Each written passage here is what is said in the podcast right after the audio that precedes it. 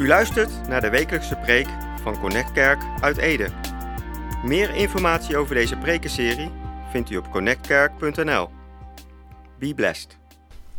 Goed, we gaan eh, deze ochtend verder met de serie waar we mee bezig zijn over de vrucht van de Heilige Geest. Vandaag dus deel 3. En als we het hebben over vruchtbaar zijn door de kracht en het werk van de Heilige Geest, dan ligt voor mij het accent in eerste instantie vooral op de persoon van de Heilige Geest. De nadruk ligt op het kennen van de Geest van God en het gevolg daarvan is dat je vrucht gaat dragen in je leven. En vorige keren hebben Suzon en Pieter daar al mooie dingen over gezegd. Dat de Heilige Geest een persoon is. Een persoon met een karakter.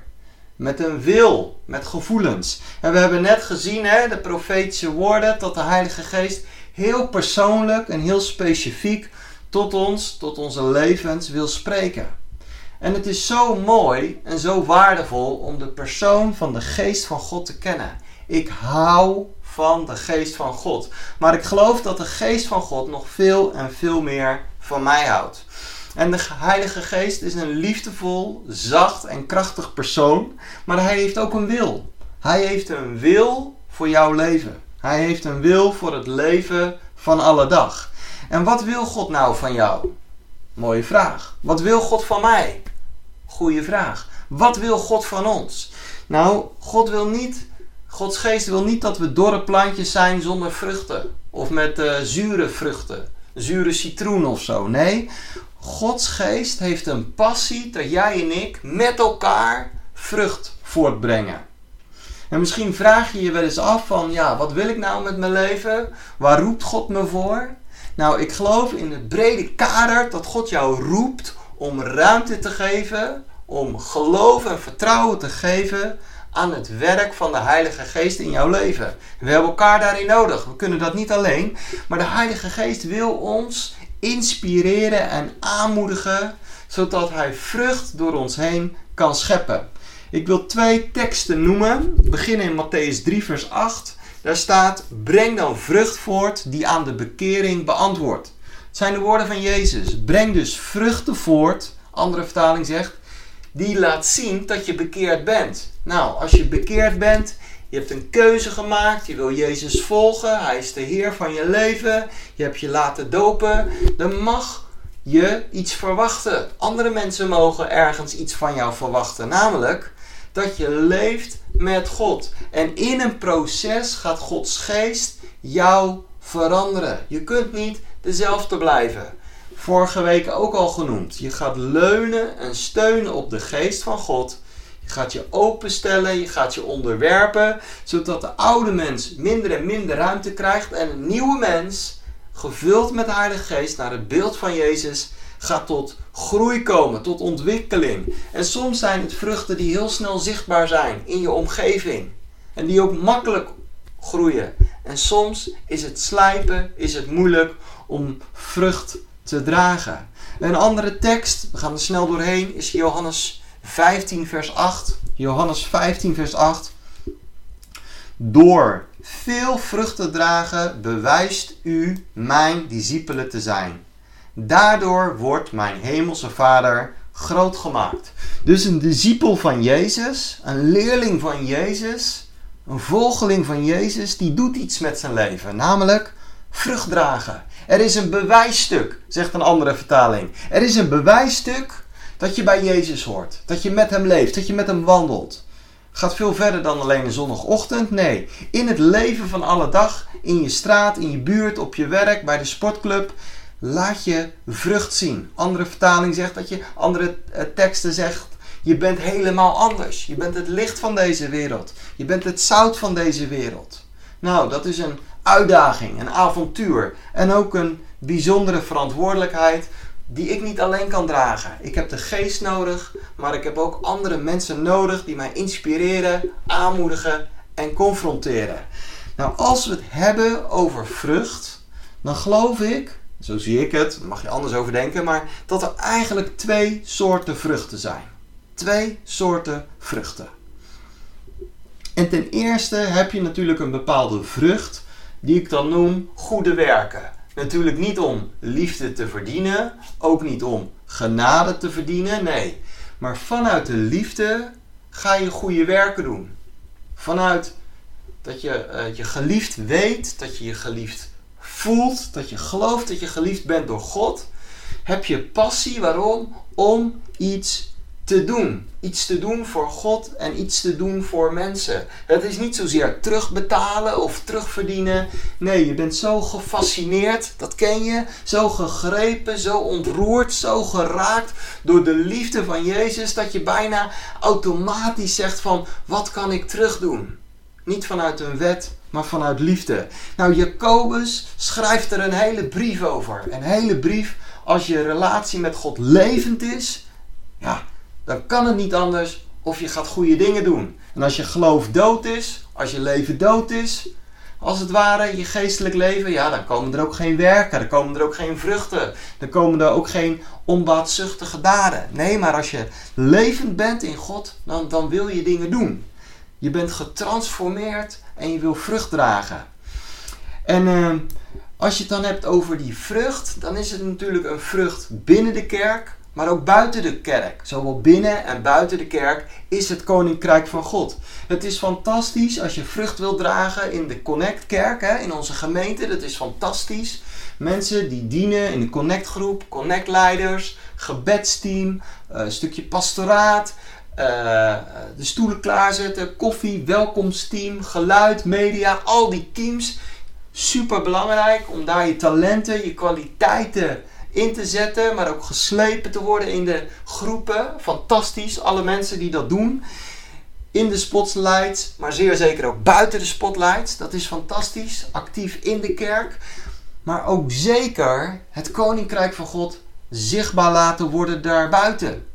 En je kunt denken, zoals ik eh, vandaag hoorde, een gesprek op de camping. Een praatje maken met een eenzame buurman. Een, uh, een bezoek aan een zieke oma en daar uh, lang mee praten, mee zingen. Dat zijn fantastische werken. Niet zozeer in de kerk, maar buiten de kerk. Hoe belangrijk. Op de werkvloer, in de buurt. Maak jij een, een, een verschil? Maak je daar goede werken? Niet omdat het moet, maar omdat je niet anders kan, omdat de liefde van Jezus, van Gods geest, je daarin voortbeweegt, daarin drijft. Het is fantastisch om vrucht te dragen, ook buiten de kerkmuren om. Ontzettend belangrijk. We hebben het gehad met Family Matters. Vrucht dragen binnen je huwelijk, binnen je gezin, binnen je familie. Absoluut hoog op Gods agenda. Hè? Hebben we gezien met Family Matters. Hoog op de prio-lijst van God. Maar ook naar buiten. De eenzame, de gescheiden man en vrouw in jouw omgeving.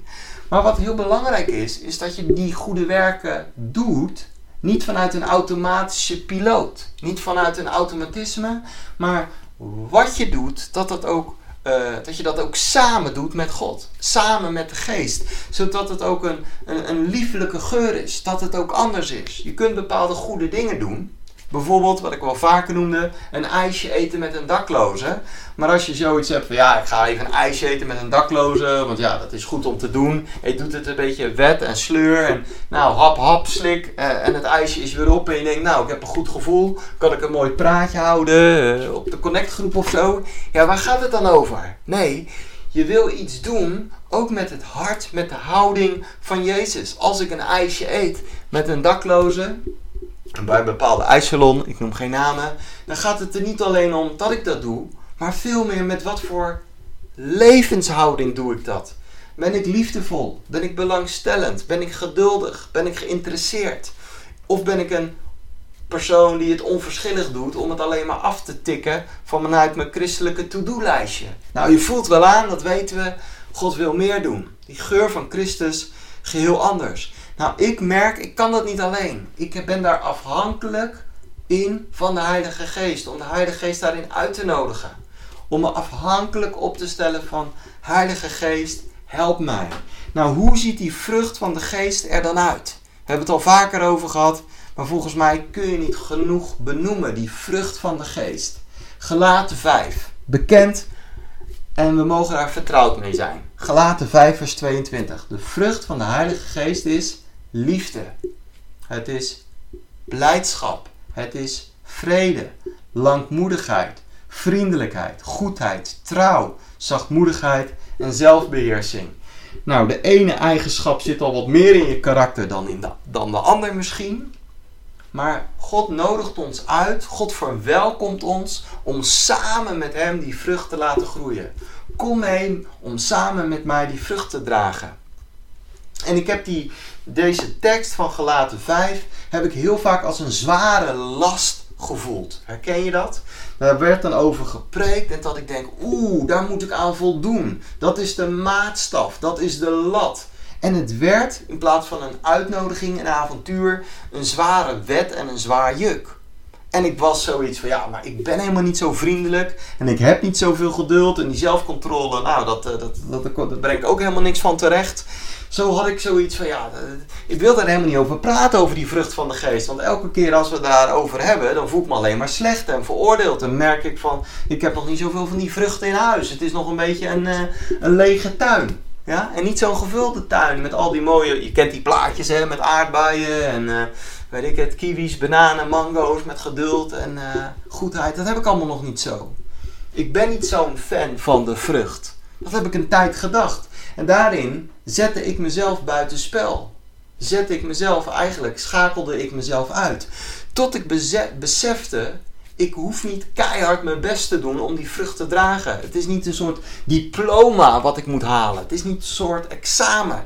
Ik besefte, en ik geloof dat God zelf die, dat inzicht gaf, van vrucht komt vanuit intimiteit. Vruchtbaarheid heeft iets nodig, namelijk een liefdesrelatie. Intiem contact, vertrouwdheid, verbondenheid. Van aangezicht tot aangezicht, vriendschap gehecht aan God. Mijn hart, mijn emoties, mijn geheimen, mijn diepste zijn delen met God.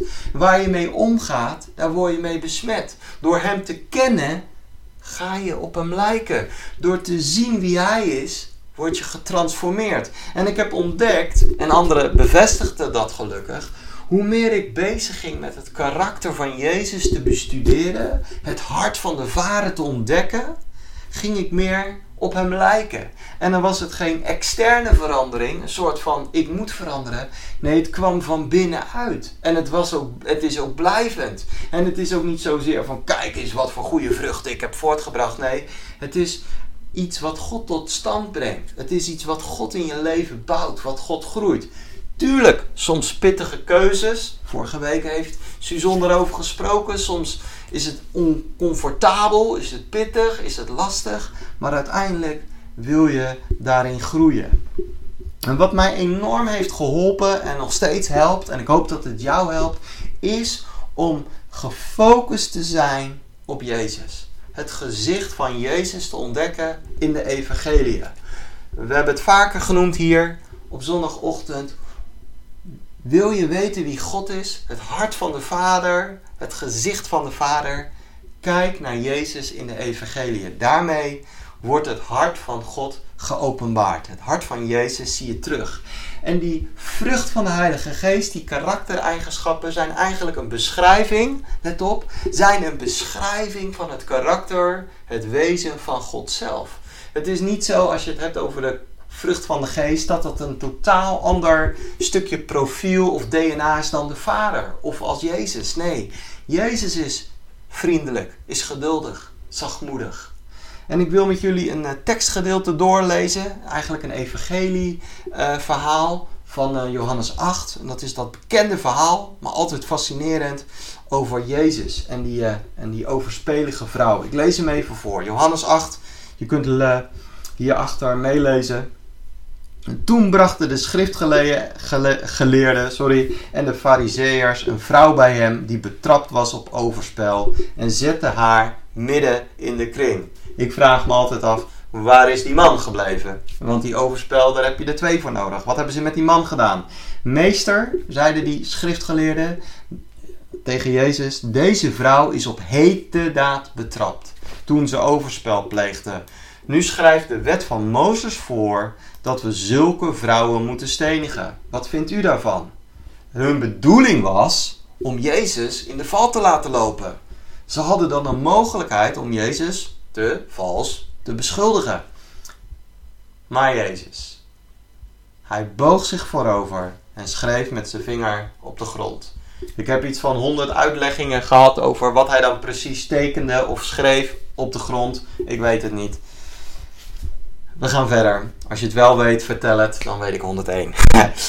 Toen zij bleven doorvragen, richtte Jezus zich op. Wie van u zonder zonde is, mag de eerste steen gooien, zei hij. Hij boog zich opnieuw voorover en schreef op de grond.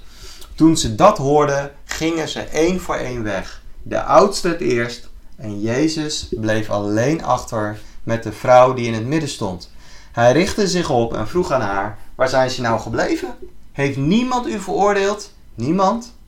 Niemand, Heer? antwoordde deze vrouw. Ook ik veroordeel u niet, zegt Jezus.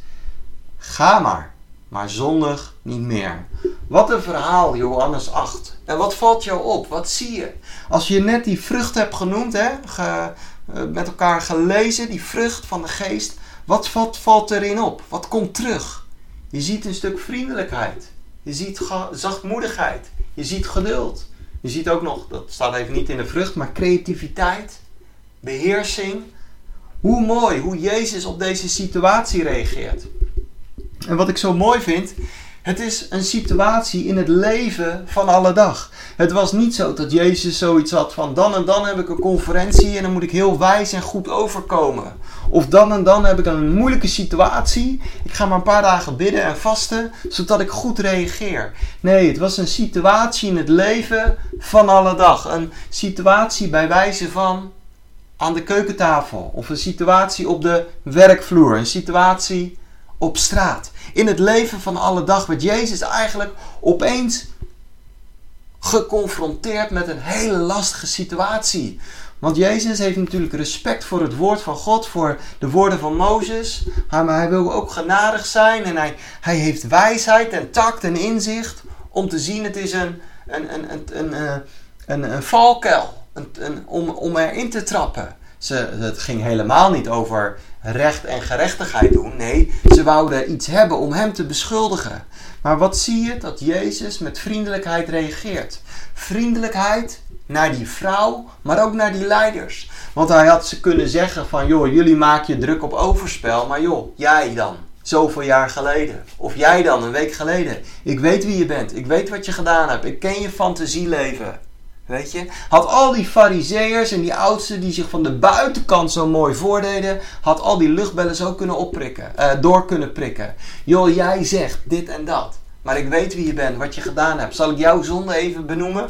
Woorden van kennis? Nee, Jezus reageert vriendelijk. Hij schenkt genade aan de vrouw, maar ook aan de leiders, die eigenlijk veroordelend en aanklagend zijn. Leiders zouden, moeten, zouden mensen moeten zijn met genade, met liefde, met vriendelijkheid, die de zwakke beschermen, die de zwakke sterker maken, die de zwakke toerusten. En hier zie je dat eigenlijk een vrouw wordt, een kwetsbare vrouw, eigenlijk erbij wordt gehaald, zodat eigenlijk misbruikt, zodat ze hun, hun plannetje kunnen doorvoeren. Maar Jezus reageert gevuld met de Heilige Geest. Gevuld met het karakter, met het wezen van de Heilige Geest. En wat zo mooi is, deze eigenschappen zijn Jezus niet komen aanwaaien. Tuurlijk, zoon van God, zoon van mensen. Maar staat ook dat Jezus groeide, dat hij ontwikkelde, dat hij zelfs door het lijden heen geleerd heeft, zich ontwikkeld heeft. Nou, wat zo bijzonder is, dat Jezus, dit is zijn karakter, dit is zijn wezen. Zo was hij, zo is hij, zo zal hij altijd zijn. Hij voelde zich niet onder druk gezet van, oh, nu wordt er naar hem gekeken. Oh, nu kijken de discipelen en Johannes en Petrus en Marcus, die kijken hoe ik het doe en misschien schrijven ze het op. En het zweet brak uit, paniekaanval. Nee, Jezus reageerde vanuit zijn diepste zijn. Had niet zoiets, oh ik ben een leider, een voorbeeldfiguur, een podiumman. Nu moet ik het goed doen. Nee, hij reageerde echt van binnenuit. Op deze heftige situatie, die misschien opeens op zijn pad kwam, heel ongelegen, reageerde hij conform zijn echte identiteit, zijn echte persoonlijkheid. En Jezus had in een slachtofferrol kunnen gaan zitten. Waarom willen jullie me in de val lokken? Waarom willen jullie me pijn doen? Waarom geloven jullie me niet? Waarom geloven jullie niet dat ik de Messias ben? Maar Jezus stijgt er bovenuit. die, die reageert zo anders. Maar wel vanuit zijn karakter, vanuit zijn wezen. Zo mooi om stil te staan bij de verhalen van Jezus, over na te denken en te reflecteren. En dat roept altijd bij mij een gebed op. Van Heer Jezus, zoals u reageerde vol liefde, geduld, beheersing, creativiteit. Help mij om zo te reageren. Om zo te zijn. Me niet anders voor te doen dan ik ben. Niet met een vies christelijk religieus jasje uh, even dan aan te doen op het moment suprem als de blikken naar mij kijken. Nee, maar echt te zijn zoals u wilt dat ik ben. Om te groeien door u. Nou, die vrucht van de geesten, hoe kun je groeien daarin tot slot? En jullie weten, als ik zeg tot slot, dan duurt het nog een tijdje. Dus als je nieuw bent, denk niet dat ik over een minuut amen zeg. Dat duurt nog wel even 10 minuten. Maar, maar over die, die vrucht van de geest. Een van de dingen is natuurlijk kijken naar het leven van Jezus. Maar hoe nog meer? Ik geloof een van die dingen die heel belangrijk is, een van de drie, is door middel van intieme relaties. We heten Connect Kerk, Connect, verbinding, relaties. En eigenlijk is dat best wel lastig, want we hebben drukke levens, drukke gezinnen.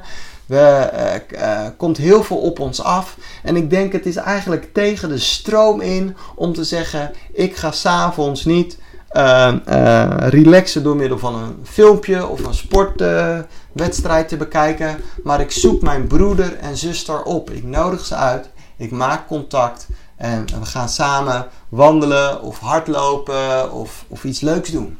Ik geloof dat het heel belangrijk is. Door vriendschappen leer je, inspireer je.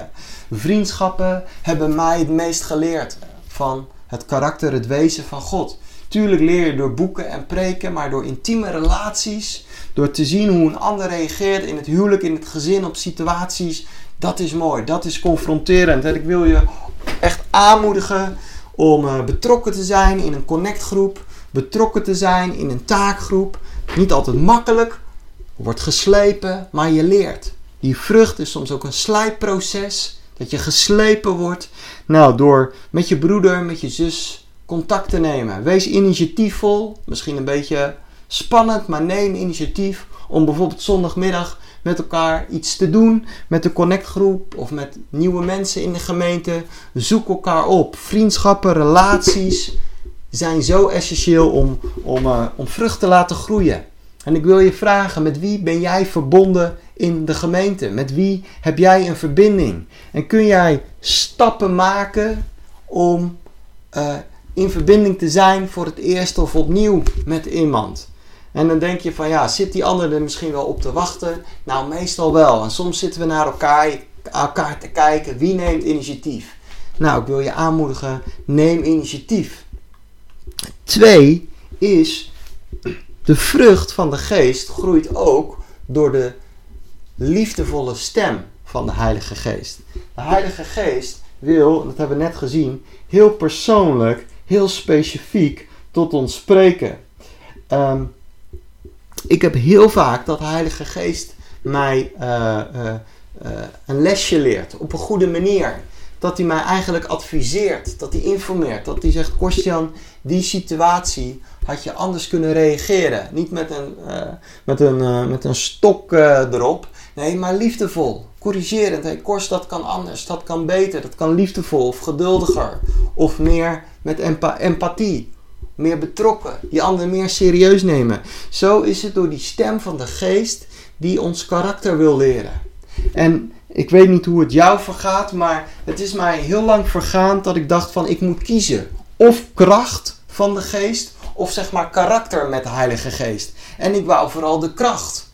Uh, profetie, woorden van kennis, genezing, bevrijding. ik hou ervan. Ik geniet ervan. Ik vind het heerlijk om te zien dat God onze uh, even buiten ons verstand wonderen, tekenen, profetie doet. Dat ons verstand het even niet aan kan. Dat het niet logisch te redeneren is. Dat God iets bovennatuurlijks is. Ik hou, ik hou van de wonderen van de Heilige Geest. Het echte bovennatuurlijke werk van de Heilige Geest. Ik stel me daarvoor open. Maar het is niet het een of het ander. Als ik zou zeggen tegen jou van joh, je hebt twee benen. De een is kracht van God en de andere is het karakter van God. En waarvoor, uh, welke wil je hebben? Welke wil je kiezen? En dan zeg je ja, ik wil alle twee mijn benen behouden. Ik wil niet de ene uh, uh, afstoten. Ik heb beide nodig. Ik wil in mijn leven mijn linkerbeen en mijn rechterbeen. Nou, zo is het ook met de Heilige Geest. Geef de Heilige Geest ruimte, zodat kracht kan stromen in je leven. Woorden van profetie, dynamisch, waar we het over gehad hebben. Maar ook het karakter. Het geeft ook geloofwaardigheid. Het hoort bij elkaar. Het is niet het een of het ander. Wat een bijbelleraar een keertje zei van, joh, je organen. Denk aan je hart en je longen. Welke wil je missen? Wil je je hart of je longen missen? Nee, alle twee. Je wil niks inleveren. Zo is het ook. We willen gaan voor de kracht van de geest. We willen gaan voor het karakter van de geest. Nou, wat is daarin heel belangrijk?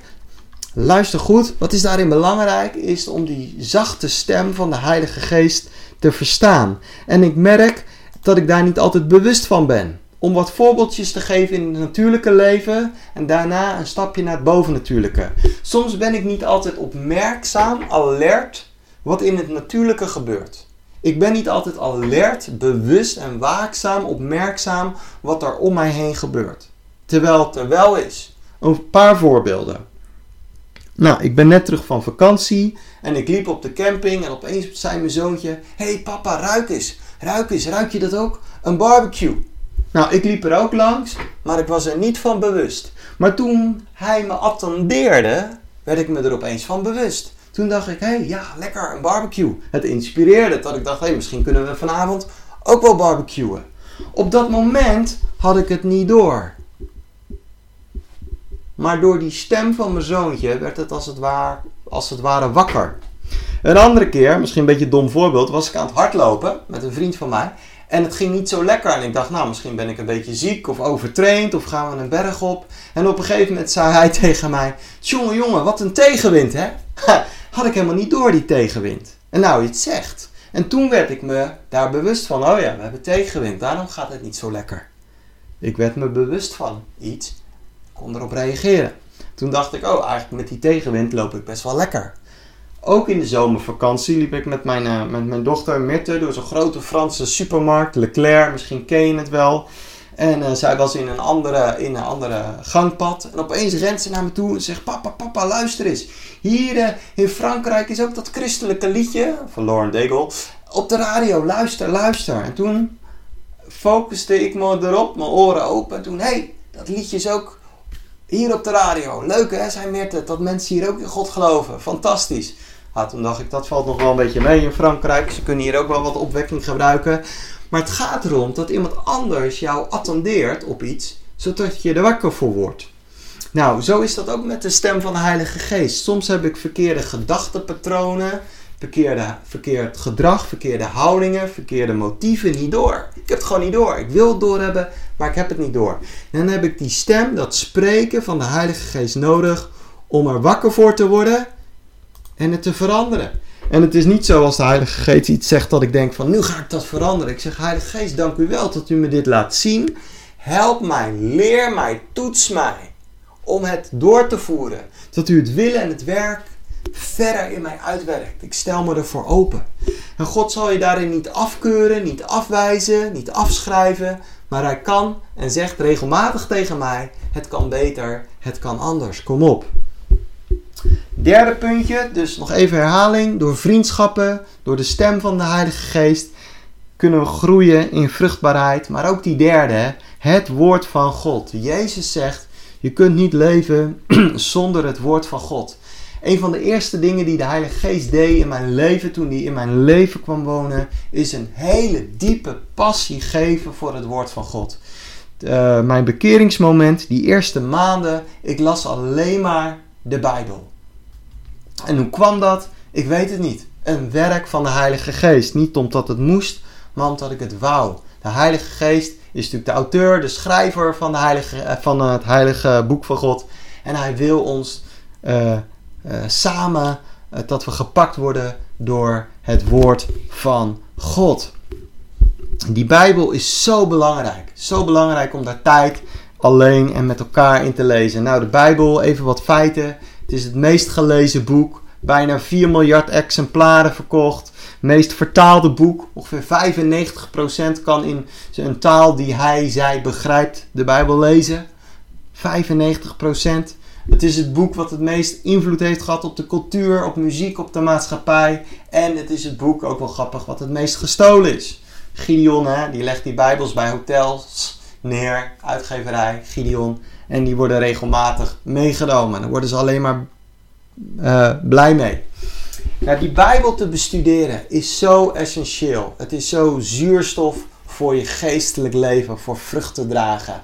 Door de, de Bijbel wordt ook genoemd hè, een bad. Wat het, uh, door je, de Bijbel te lezen was je jezelf. Verkeerde gedachten, verkeerde gedragingen worden weggewassen door dat woord van God. Jaren geleden heb ik eens gehoord, en dan wordt iedereen wakker, vier, de, de, de, de, de term vier bier. Vier bier. Iedereen er weer bij? Ja, dat is misschien door studenten bedacht, maar dat zijn vier, woord, vier letters, B-I-E-R, om uh, als een soort kapstokje om de Bijbel te bestuderen. Hoe lees je de Bijbel? Vier bier. Nou, de eerste B, hier staat het, is voor bestuderend. Zo goed om de Bijbel echt te bestuderen, te onderzoeken. In het Grieks, in het Hebreeuws, achtergronden, verbanden, woordstudie. Wat betekent het? Er zit zoveel diepte in, zoveel rijkdommen, schatgraven. Je wil niet alleen leren van Bijbelleraren, je wil zelf ook die B pakken in je leven, te bestuderen. Misschien met een groepje actief B. Bestudeer de Bijbel. Herkauwen, graven, goud naar boven halen. Bestudeer de Bijbel. De I staat voor informatief. Ik merk dat het heel goed is om ook informatief, relaxed de Bijbel te lezen. Lekker kopje thee, bakje koffie, misschien een makkelijke vertaling, evangelie, de psalmen te lezen. Gewoon informatief. Ik merk dat het wat doet. Ik merk dat het wat doet. Ik zeg ook vaak, ik weet niet wat ik vorige week gegeten heb, maar ik voel me vandaag energiek en fit. En dat komt door de maaltijden die ik afgelopen weken heb gegeten. En zo is het ook met het lezen van de Bijbel. Informatief, het doet je ziel, het, je leven goed. Dan de derde, ervaring. Ik geloof ook dat God zijn woord heeft gegeven zodat het ons raakt, dat het ons inspireert, dat het ook onze emoties beweegt. De Bijbel, de verhalen van Jezus, de evangeliën, het mag ons beroeren, het mag ons bewegen, het mag ons als het ware wakker houden, omdat we getriggerd zijn. Dat we voelen, dit is, dit is leven, ervaren. Wat is jouw laatste moment dat je dat hebt gehad, dat je het woord las en dat je echt gepakt werd? Ik geloof dat God ons wil fascineren met zijn woord. Is dat elke avond zo? Elektriciteit en die ervaring? Nou, misschien bij jou, maar niet bij mij. Maar regelmatig heb ik af en toe zo'n ervaring dat ik denk van wauw. En soms is het niveau 9, soms niveau 6, maar dat je merkt van wauw, dit is kostbaar, dit is mooi, dit is speciaal. En dan de derde, dus we hebben bestuderend gehad, we hebben informatief gehad, we hebben ervaring gehad. En dan de R, dat is eigenlijk reflecterend of re reagerend. Reflecterend, reagerend. Dat betekent dat je iets leest en dat je denkt van, ja maar hoe doe ik dat? Hoe zit dat bij mij? Een stukje nadenken, een stukje spiegelen. De Bijbel wil ons ook dat we reflecteren, dat we in de spiegel kijken en dat we denken van, zo zijn we bedoeld. Dit is onze ware DNA. Zo is ons huwelijk, ons gezin, relatie of omgang met gastvrijheid, financiën, zo is het bedoeld. Dat is de, de paslood, de maatstaf. En dat is uh, leerzaam. En uh, ik wil daar echt voor bidden. Dat we tijd nemen in die vriendschappen. Tijd nemen om te luisteren naar de stem van de Heilige Geest. Maar ook luisteren naar het woord van God. En misschien kun je opnieuw een keus maken. Dat je denkt op een van die drie. Ja, misschien ben ik ook wel door de zomerperiode een beetje lui en laks geworden. In die vriendschappen. Of in dat uh, stilstaan bij de stem van de geest. Of in het woord. En ik wil je echt oproepen. En, uh, om, uh, om daarin een keus te maken. Met als gevolg, geloof ik, niet dat het een goed werk is, maar dat de Heilige Geest erin kan ademen, dat de Heilige Geest erin kan blazen, zodat jij nog meer vrucht kan dragen. Want velen van jullie in onze karakter, in onze levens, is er al heel veel vrucht. Ik zeg niet dat het er niet is, absoluut niet. De meeste van jullie ken ik door, door allerlei uh, eh, door de taakgroepen, of door de connectgroepen, of door de zondagochtend. En ik zie al heel veel vrucht, ik zie heel veel rijkdom en we doen heel veel mooie dingen met elkaar. Maar ik wil je aanmoedigen, hou dat vast. Laat het doorgroeien, die vrucht in jullie levens, door middel van zijn stem, door middel van zijn woord en door middel van elkaar. U luisterde naar de wekelijkse preek van Connect Kerk uit Ede. Meer informatie over deze gemeente en alle preken over dit thema vindt u op connectkerk.nl of bezoek onze Facebookpagina. Bedankt voor het luisteren en wees tot zegen.